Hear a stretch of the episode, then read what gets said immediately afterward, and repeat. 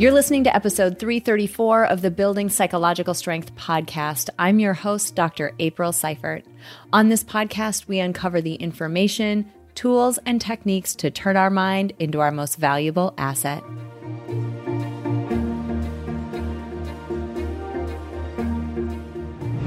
Hey, everybody, thank you so much for joining me this week. Now, I have a really exciting and I think valuable topic to talk about today. But before I get into this week's episode, I have one quick favor to ask. One of my biggest goals this year is to grow the podcast. I want to make sure that the information we're bringing is getting out to as wide of an audience as possible. And I need your help to do that. The thing is, ratings and reviews are one of the things that help me grow the most on iTunes. There's an iTunes algorithm that looks at your podcast and it says, oh, people are rating this one. They must like it. So if you haven't submitted a review or a rating, I would be so appreciative if you would do so. It literally takes like 30 seconds.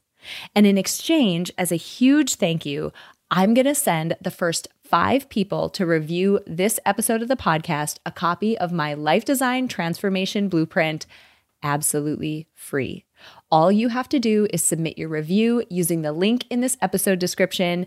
Grab a screenshot of your review and email that screenshot to info at peakmindpsychology.com. I will personally send you a copy of my life design transformation blueprint as a heartfelt thank you. I so appreciate it. All right, let's get into today today's episode. The US military has a word that I really like, and that word is VUCA. It's actually an acronym and it stands for volatile, uncertain, complex, and ambiguous. I mean, can you think of a better word to describe the way that we've all been living for the past couple of years? VUCA, that's it. I mean, think back to when life was normal. And I'm going to just throw some big air quotes around that word, PS. But think about how much has changed since that time. Now, I mean, honestly, you might appreciate some of the changes. Some of them might have been a net positive in your life. And others, they might have been or even may continue to be really hard. We have collectively and individually gone through huge changes in the last couple of years. But now I want you to think about the smaller changes. I mean, the ones that happen fast and often. I mean, in our lives, mask mandates are on. Nope, now they're lifted. Oh, wait, now testing is required. Okay, but now it's not, but you have to be vaccinated. Hey, we're returning to the office. Oh, wait, the return is actually delayed, so continue to work from home. You can go to your favorite restaurant today. Amazing. Oh, wait, nope, now they're only open for curbside. Your kid can attend in person school or daycare. Ooh, until they can't. I mean, if it feels like it's been a lot, it's because it has. And something that I want to say right at the outset is that you're not weak. You don't lack resilience. You're not, quote, handling it badly. It's just been a lot. It's been relentless. It has been VUCA. And today we're going to dive into the topic of change and change management. And this episode is going to be relevant and valuable to you whether you're going through a major or a minor change, whether that change is a net positive or a net negative change. The information in this episode is going to help you navigate the waters of change more effectively and help you feel better throughout the process. Good or bad, change always brings with it some level of difficulty, so stay with me for some ways to support yourself and support others as you move through change and transition.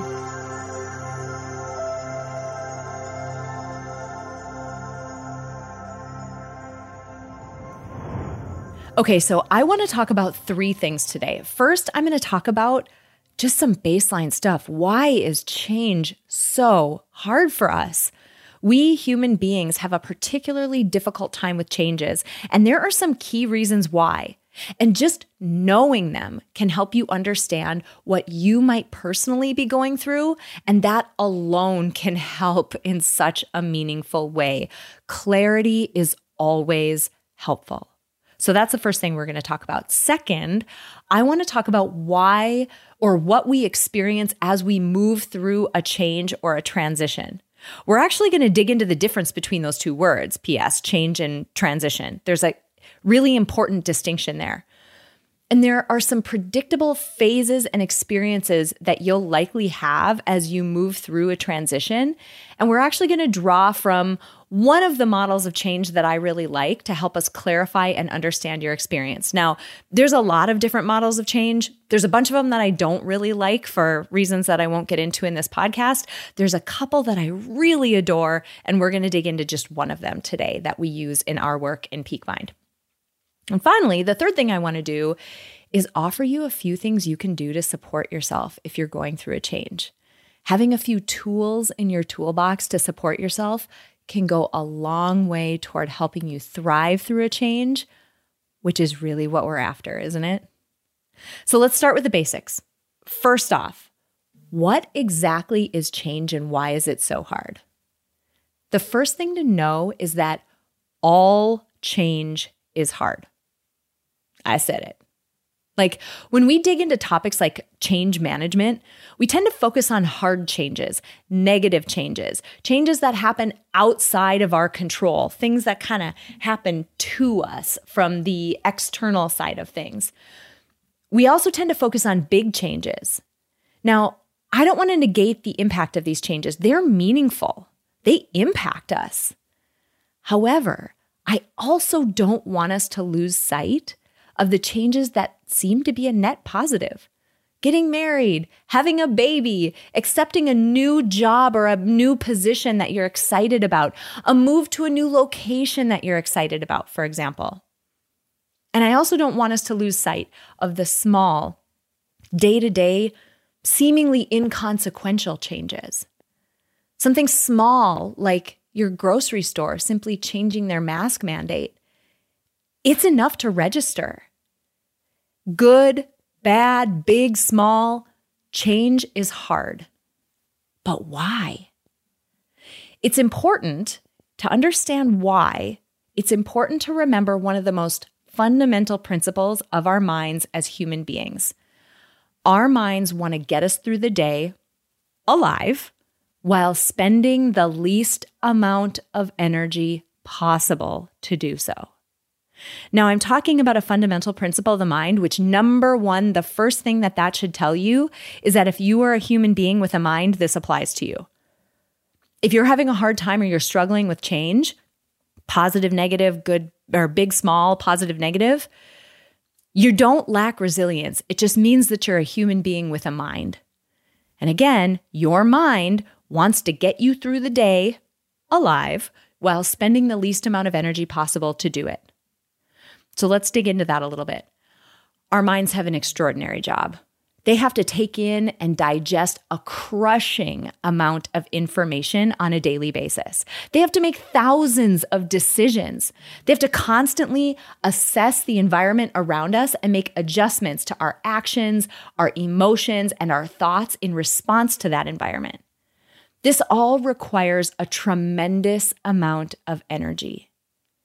And one way that our minds conserve conserve energy to have enough of it available to do its job is to create habits or shortcuts. It creates these rules of thumb that allow us to basically back burner certain information or make certain decisions automatic so that we don't have to work so hard or think so much about them. It just reduces the amount of energy that a bunch of the decisions and information processing that we have to do in a day that it takes. Now here's the thing. This is where we get to the crux of why change is hard. When we mess with these habits or shortcuts or rules of thumb, our mind doesn't like it. When we mess with them, we're causing our mind to have to work harder than it would like to, to expend more energy than it would like to. And it doesn't have a lot of excess energy to expend in the first place. Now, there's a lot that I could go into there. We actually talk in a lot more depth about this when we teach this topic in some of our workshops and our corporate seminars, but I'm just going to leave it there for now. But I want to highlight just one of these shortcuts or rules of thumb that's relevant when we talk about change management. And that set of shortcuts or rules of thumb is our belief systems. Our beliefs are simply things that our mind assumes to be true about us, about others, and about the world around us. Our belief systems allow our mind to feel like it knows what to expect. It makes it feel like the world is predictable. That, going back to that fundamental principle, that we can back burner a bunch of decisions and a bunch of information processing. Intact belief systems give our mind a sense of peace and predictability. This is the opposite of VUCA. Intact belief systems allow our mind to divert a bunch of energy away from the seemingly predictable details about ourselves, others, and the world, and use that in that energy in more important ways for things that we actually do need to think about. And as a general rule, again, this applies to human beings with minds, so all of us. As a general rule, when we put in our mind in a situation that it doesn't like, like making it expend energy it doesn't want to expend in a way that it doesn't want to have to expend it, our mind has a very predictable response. It sends us, its response is to send us difficult emotions like anxiety, anger, resentment, shame, regret. And our mind does that. It makes us feel that way in an attempt to get us to fall back in line and go back to the way that things were before the change. We're going to get into that in a little bit more detail in just a bit. So just put a little mental pin in that for a second. So, what happens when we experience a change? It challenges our belief systems and the assumptions that rest upon them. Remember, we have beliefs about ourselves, about others, and about the world around us. And being told you have to wear a mask in a place where you didn't have to wear one yesterday challenges our beliefs about the world around us in a small way, but it's enough to notice. Finding out our spouse betrayed us in some way challenges our beliefs about others, about an important other in our life. Adopting a new exercise routine. This is a net positive it can challenge our beliefs about ourselves, our core identity, and the type of person we are. Being laid off, I mean, that challenges all of those beliefs about us, about others, about the environment around us. I could go on, but you get the picture. It doesn't matter what it is net positive, net negative, big, small. Change challenges our belief systems, and that puts our mind in a situation that it doesn't like. Change causes cracks in the armor of our belief system. And our mind sees that as a direct threat to the shortcuts that it relies on so heavily to get us through the day. I mean, the thing is, the minds of human beings, they don't adapt quickly to these threats. They are very adaptable, but it doesn't happen fast. We don't immediately abandon our beliefs, shrug our shoulders, and move on without any friction. No, our minds resist. They resist. And here's where I'm going to go back to that pin I told you to put in your mind. They resist by attempting to get us to fall back in line. And to do this, they make us feel angry or resentful about the change.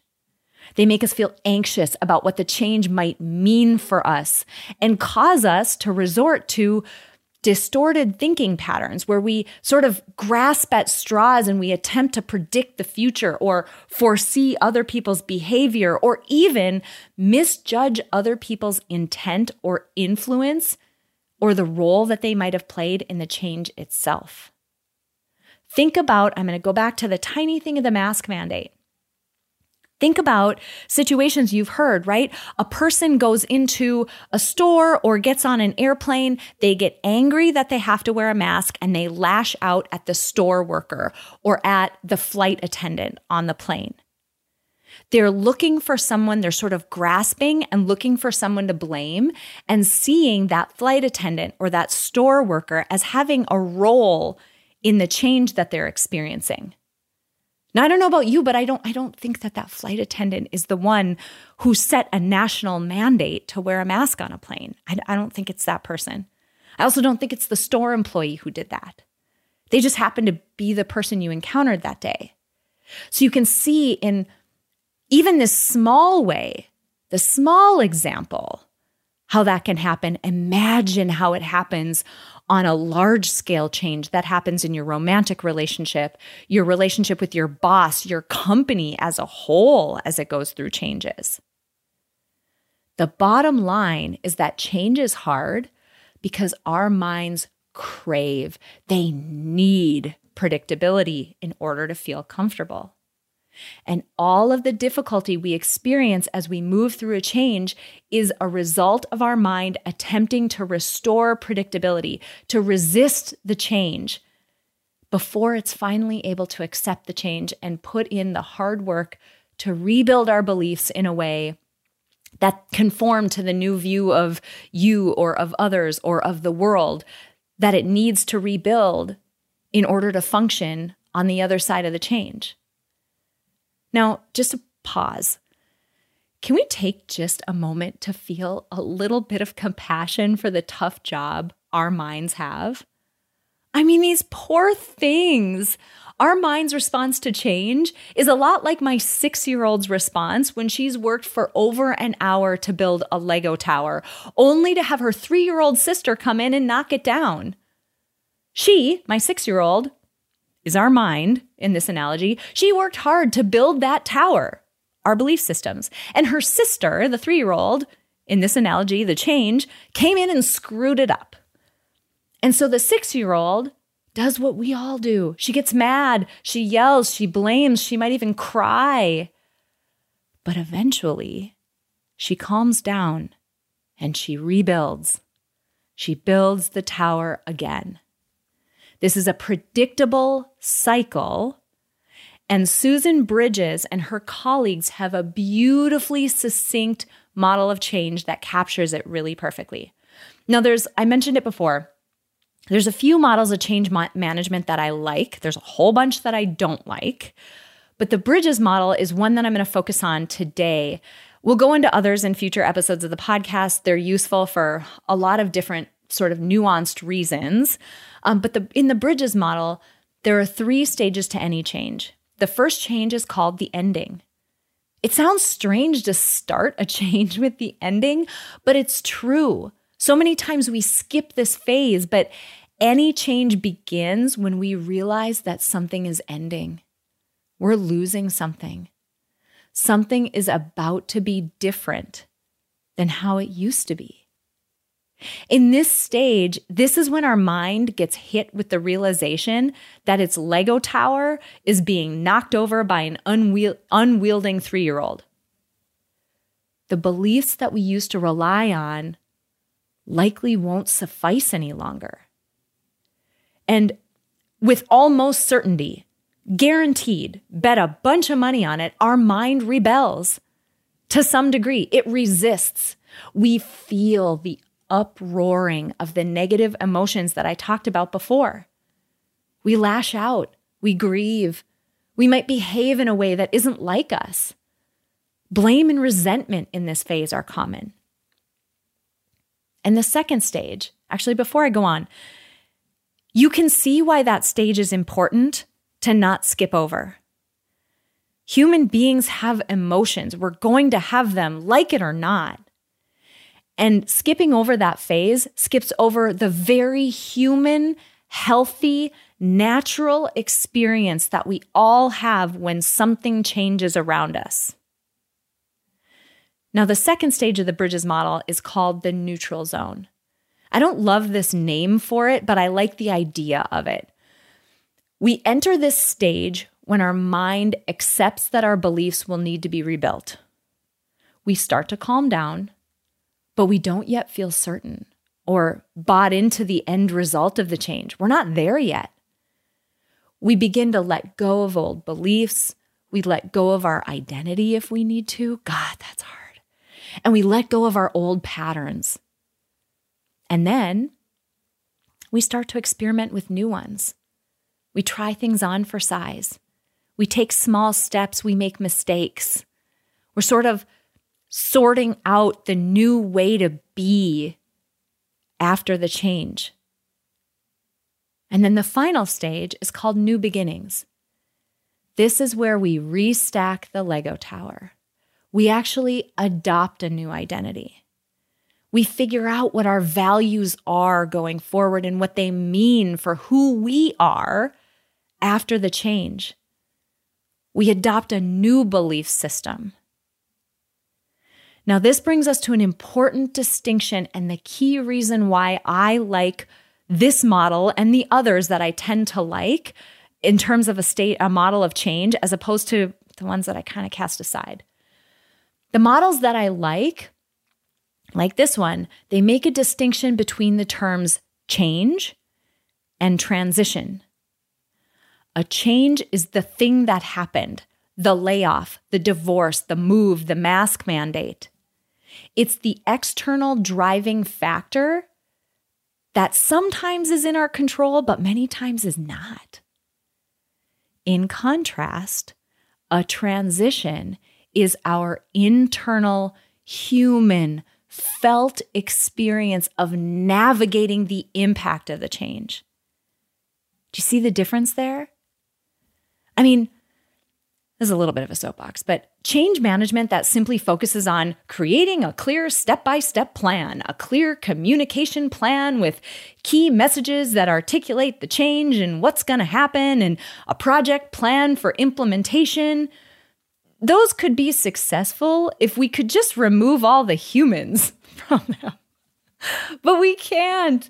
It's impossible and unreasonable. Companies, organizations, romantic relationships, partnerships, they're made of people, of human beings, of people who will experience their own transition in the face of the change.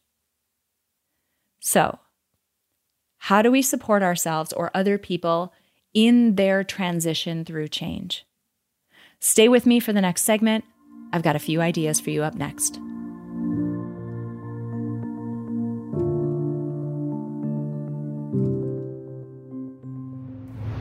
Okay, so before we dig into a couple of resources for you, let me just say one thing, and I just want to reiterate. If you're going through a transition right now, I'm sending you so much love. It's not easy. You're not weak. You don't lack resilience. There's not something wrong with you because you're grieving the loss of your old identity, even as you get married to someone you're so excited about. that might have been a little bit of a personal confession there. But anyway, you are a human being with a mind that is working so hard to rebuild its Lego tower. You can do this. And I have so much to say about how to support yourself and others through this transition we have so much content and programming and workshops and just so much on this in the Peak Mind Center. But for today, I want to just focus on three things. First, take some time to feel, understand, and dare I say, appreciate the emotions you're experiencing. This is especially important in the first phase, phase of change, the ending that I talked about. And I've linked to a blog post in this episode description that introduces a concept we call emotion sifting. In essence, there's a lot to it. There's a lot more here, but I'm just going to give you the like quick hit so you can practice this a little bit. In essence, I want you to think about the transition you're in. And I want you to run a few hypotheticals in your mind. Pick three to five different emotions, positive and negative, just a whole big span. Just like write them down really quick. Now, I want you to go one by one and I want you to try them on for size. And I want you to ask yourself this question with these exact words What about this change or experience might make a person feel, insert the emotion. So, what about this experience or this change might make a person feel jealous or angry or happy or resentful or afraid or excited. Notice, and I asked you to do this with those exact words, notice that you're not asking about you necessarily. We're running a hypothetical here. What might make a person, not necessarily me, but a person, what might make them feel that way? Try each emotion on for size. The thing is, emotions are harder to manage and accept when they're all mixed together. And unfortunately, that tends to be how we experience them. And it's incredible the clarity you can get from sifting your emotions apart like this. Now, like I said, there's a lot more to this. We do this exercise with a lot of our corporate clients and in a lot of our workshops. It's always just mind blowing to people. But I want you to just practice that simplified version of it.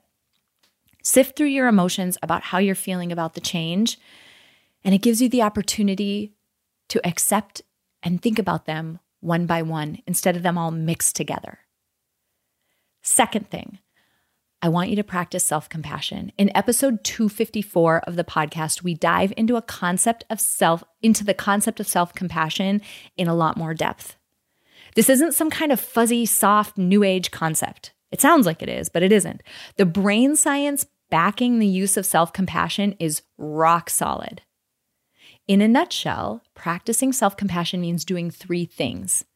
It means, first, acknowledging the situation that you're in and how you're feeling. Just don't judge yourself. Just, hey, my company is restructuring. It likely means my responsibility, my title, my team, my boss will change. I feel angry about that. I feel confused. I feel misled, but maybe there's a little bit of excitement and optimism about what it might look like. But that's a whole lot of emotions to experience at one time. This is how I'm feeling, and this is what's happening. Then I want you to remember that you're not alone in this. I want you to remember that anyone, any other person, if they were in the same situation, they would likely feel pretty similar to you. You're not, you know, weak for feeling that way. You're not alone.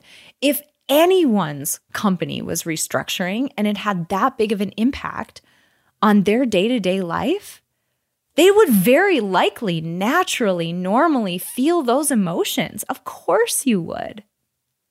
So that's number two, remembering that anyone in this situation would feel that way. And then number three, be kind to yourself as you move forward. Ask yourself over and over, you know what? What do I need right now?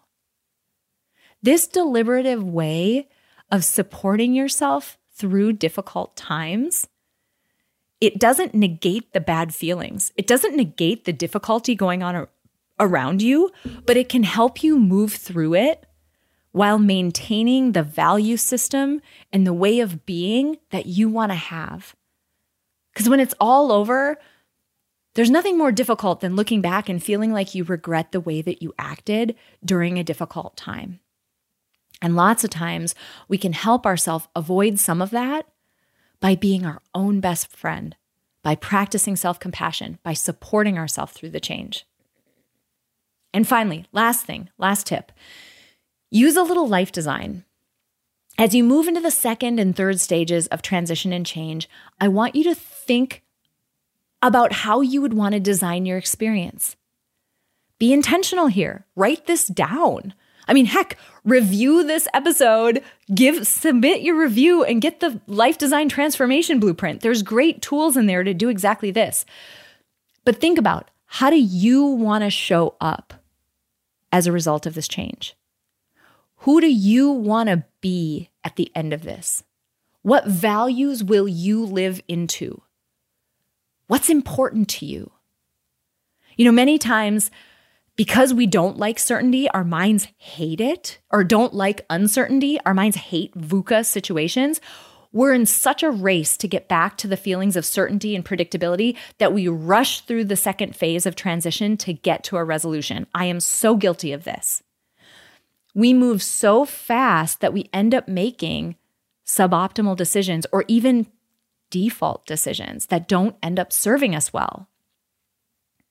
If we could just sit with the gray area for a bit longer, spend the time to design our way forward, our outcome can be so much better.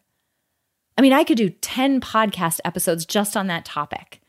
And I'm going to drop a link to a blog post that touches a bit more on designing your work life, but know that there is an ocean of depth underneath this topic. My friends, transition is a part of life. It's inevitable, and I so hope the information and resources in this episode help you feel more equipped to handle your next change or transition. And one last reminder I will send the first five people to review this episode of the podcast a copy of my life design transformation blueprint absolutely free. All you have to do is submit your review using the link in this episode description grab a screenshot of your review and email it to info at peakmindpsychology.com. I will personally send you a copy of my life design transformation blueprint as a heartfelt thank you. And finally, let's remember that time is the most non renewable resource on the planet. And I am so grateful to each and every one of you who chose to spend some of your precious time with me today. I'm Dr. April Seifert, and I will see you next week. All right, that's what I got. And P.S. Oh, this is my first episode recording with my new mic. I'm so sad. The very first professional mic I ever bought years and years ago officially died. So rest in peace, old Mike. Hello, new Mike. Uh, let's move on. It's going to be an awesome year.